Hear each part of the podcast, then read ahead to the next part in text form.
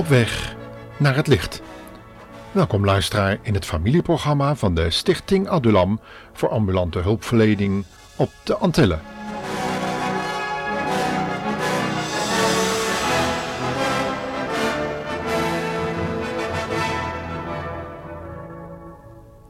We vervolgen ons thema over vergeving, maar nu in verhouding met beleidenis. En dan nog met de nadruk op de beleidenis die wij voor anderen om ons heen kunnen doen, zoals Mozes, Jozef, David, Daniel, Nehemia en in het Nieuwe Testament Paulus hebben gedaan. Het is een ongebruikelijk onderwerp, maar meestal volstaan christenen met alleen maar voor henzelf beleidenis te doen. Maar God heeft ons gelukkig ook het vermogen gegeven om voorbeden voor anderen te doen. En het gebed van een rechtvaardige heeft veel invloed bij God, omdat de Heer Jezus aan deze vorm van voorbeden kracht verleent, zodat het ook verhoord wordt, lezen we in Jacobus. Daarom laten we in dit programma de inmiddels overleden broeder en voorganger Wim Malgo aan het woord. We citeren daarom veelvuldig uit een artikel dat door hem voor zijn heengaan werd opgeschreven, en het heet De macht van de plaatsvervangende beleidenis. Het is een artikel uit de middernachtsroep van juli 1993, de 33ste jaargang. En we wensen de luisteraar veel zegen toe bij de overdenking van wat Wim Algo nu nog na zijn heengaan in heerlijkheid u en ons te vertellen heeft. Daarom beginnen wij u iets uit Exodus 33, vers 2 en 3 voor te lezen.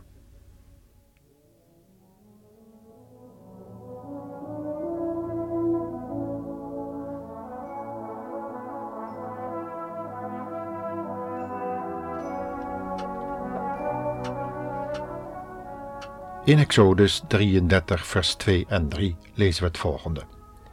Ik zal een engel voor uw aangezicht zenden en verdrijven de Canaaniet, de Amoriet, de Hethiet, de Veriziet, de Heviet en de Jebusiet, naar een land vloeiende van melk en honing.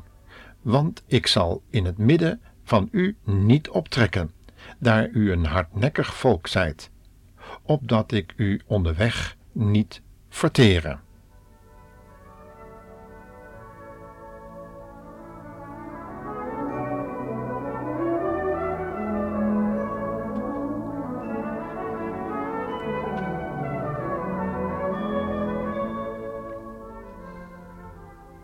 Wat is er eigenlijk gebeurd in die tijd van de uittocht van uit Egypte? Terwijl Mozes verblijft in de heilige tegenwoordigheid van God en zijn bevelen voor het volk in ontvangst neemt, begint het volk het gouden kalf te aanbidden. En nu treft hen een vreselijk gericht, de toorn van God. Die toorn van God wil het hele volk vernietigen. Maar gelukkig treedt Mozes als plaatsvervanger tussen het volk en die vertoornde God op en ontvangt vergeving voor deze mensen. Toch begint hoofdstuk 33 met een tragedie. De tragedie van de beperkte belofte. God wil hen weliswaar nog steeds alles geven, en hij belooft hen het land waarvan ik Abraham, Isaac en Jacob gezworen heb, maar hij zegt hen ook de overwinning toe.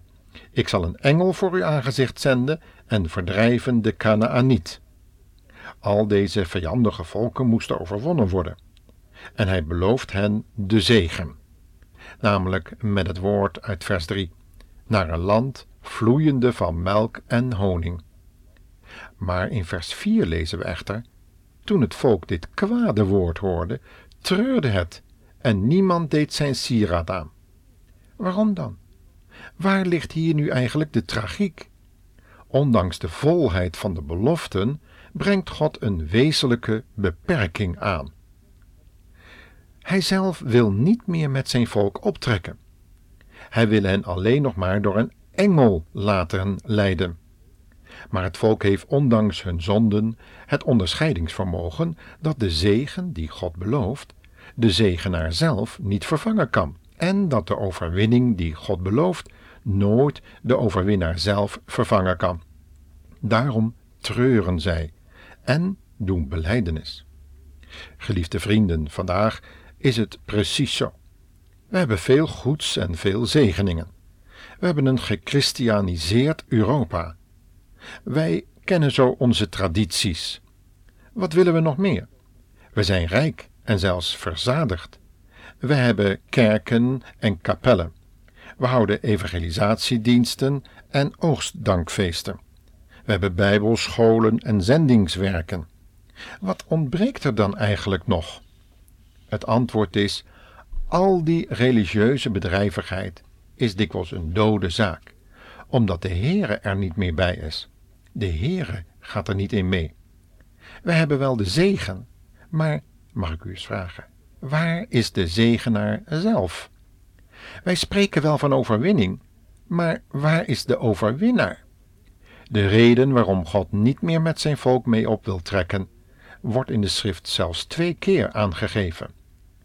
In Exodus 33, vers 3b staat: Ik zal in uw midden zelf niet optrekken, daar u een hardnekkig volk zijt, opdat ik u niet onderweg verteren.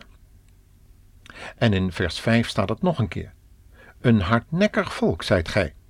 Indien ik ook maar één ogenblik in uw midden zou optrekken, zou ik u moeten vernietigen. God wil dus zeggen: krachtens mijn heiligheid en gerechtigheid kan ik niet meer met u meegaan, want mijn gericht zou u vanwege uw zonden dodelijk moeten treffen. Daarom wil ik niet meer met u optrekken. En is dat niet onze huidige situatie in de christenheid?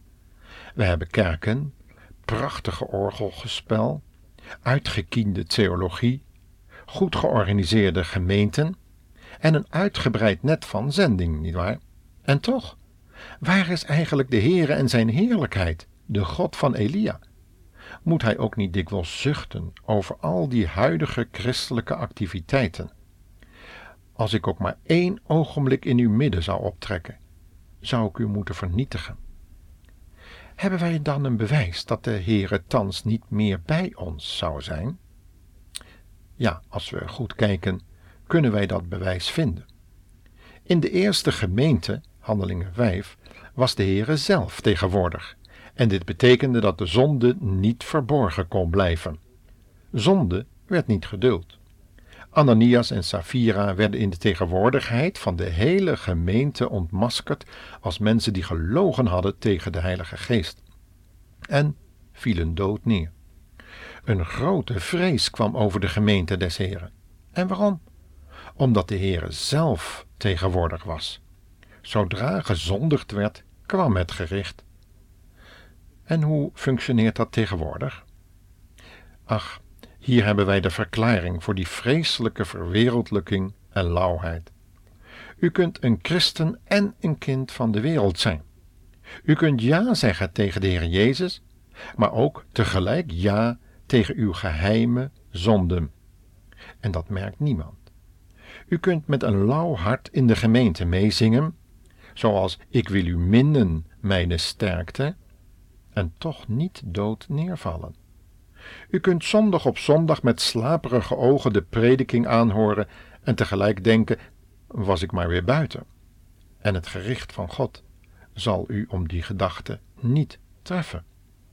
Waarom niet? Er wordt toch vaak gezegd dat wij de tijden van handelingen weer opnieuw kunnen beleven? Dat komt omdat de Heere zelf in zijn heerlijkheid er niet meer is. Het schokkende hier in de geschiedenis van Exodus 33 is dat God zichzelf van zijn verlossingswerk, dat hij aan Israël verricht heeft, distancieert. We weten immers dat hij Israël door zijn verheven hand uit Egypte geleid en verlost heeft. Maar nu zegt hij tegen Mozes: Ga, trek van hier op, u en uw volk, wat u uit Egypteland gevoerd hebt. Het is vaak zo dat Jezus Christus zich van zijn verlossingswerk terugtrekt zodat in de gemeente van Jezus Christus nog wel de verlossing verkondigd werd, maar de Verlosser zelf niet meer werkzaam is. En dat geeft lauwheid. En wat waren de oorzaken hier bij Israël in de woestijn? De vermenging van heilig en onheilig. De afgoderij werd verhuld in orthodox geloof. Als u nu eens Exodus 32, vers 4 opslaat, daar lezen we dat Aaron de gouden sieraden van het volk aannam. Hij gaf er vorm aan met een stift en maakte er een gegoten kalf van. En zij zeiden: Dit is uw God, o Israël, die u uit het land Egypte heeft uitgevoerd.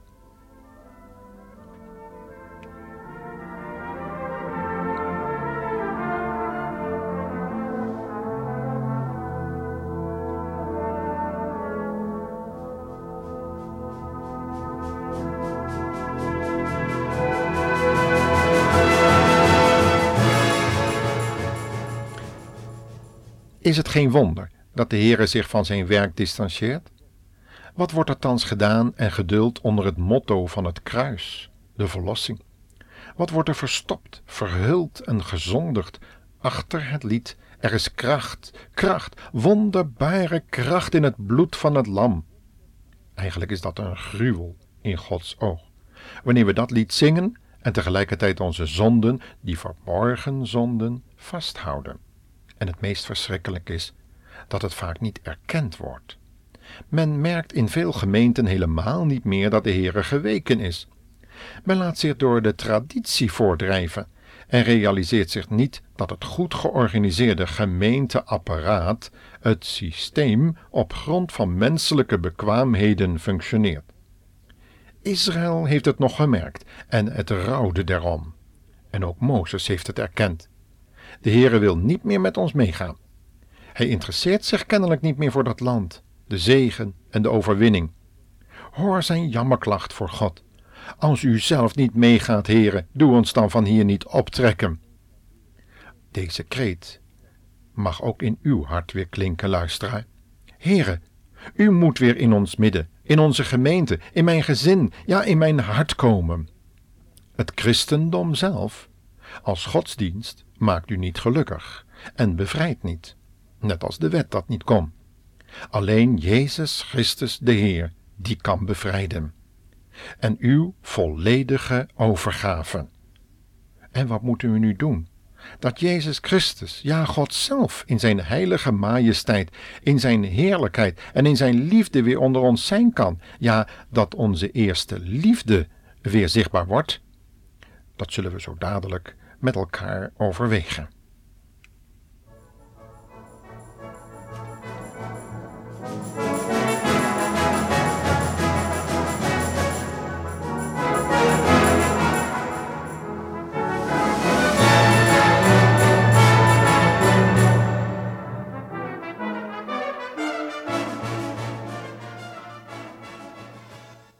Wanneer we opnieuw Exodus 33, vers 4 tot 6 lezen, dan wordt er drie keer gezegd: Niemand deed zijn sieraad aan. Dat is heel eigenaardig. Waren dan die sieraden verkeerd?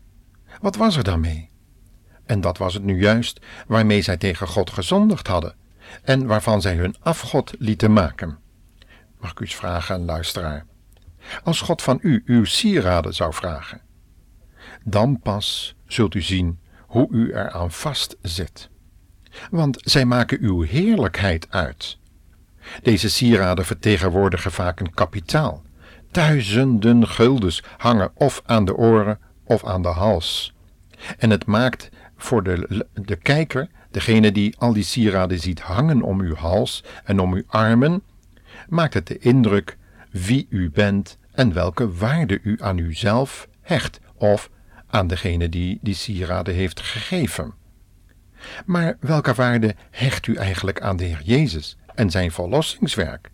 Waaraan kunnen we dat zien? Aan een gouden kruis? Aan een kruis wat voor uw achteruitkijkspiegel hangt? Om u te beschermen als een mascotte? Wist u wel dat dat gouden kruis een vloekhout der schande is geweest, waar de Heer Jezus aan, zich aan liet nagelen en dat u zelf die nagels in zijn handen en zijn voeten gedreven heeft? Zo is de prediking van het evangelie, dat de Heer Jezus tot een zoenoffer werd voor uw zonden en daarvoor naar dat kruis moest gaan. Is het niet hetzelfde als wat onder Hiskia gebeurde? Honderden jaren later bedreven zij nog afgoderij met een koperen slang. En Wat deed Hiskia? Hij deed dat zogenaamde sieraad weg, omdat ze de afgoderij meegedaan hadden. En ook aan Aaron, die had gezegd tegen het volk: Ruk dan uw gouden ringen af, die in de oren van uw vrouwen en uw zonen en uw dochters zijn, en breng ze mij. En toen rukte het gehele volk zich de gouden ringen die in hun oren waren af, en zij brachten ze aan Aaron. Nee, de Bijbel is niet tegen sieraden, maar wel tegen, tegen overmatig gebruik van al dat uiterlijke, wat u en uw heerlijkheid aan de mensheid zou moeten duidelijk maken. U zelf kunt bepalen wat er tussen God en u instaat. Of dat uw geld is, uw beroep, uw functie, uw eigen ikzelf en zelfs datgene waar u zich mee omhangt. Wat staat er tussen u en God in, beste luisteraar? Laat u dat zelf eens onderzoeken, door het woord van God opnieuw open te slaan en dan uzelf af te vragen: is de heerlijkheid van de Heer Jezus nu in ons midden of niet? En als dat door u niet ervaren wordt, vraag u dan af wat er tussen God en uw ziel in staat. Dan zult u zien dat God u weer die eerste liefde wil teruggeven, die allereenvoudigste toewijding, waarvan Paulus heeft gezegd: wijd dan uw lichamen als een gode wel aangename offeranden ja, offer uzelf. Neem uw kruis op en volg hem. Hem die gezegd heeft: Kom tot mij, allen die vermoeid en belast zijt. Bon dia luisteraar, tot de volgende uitzending.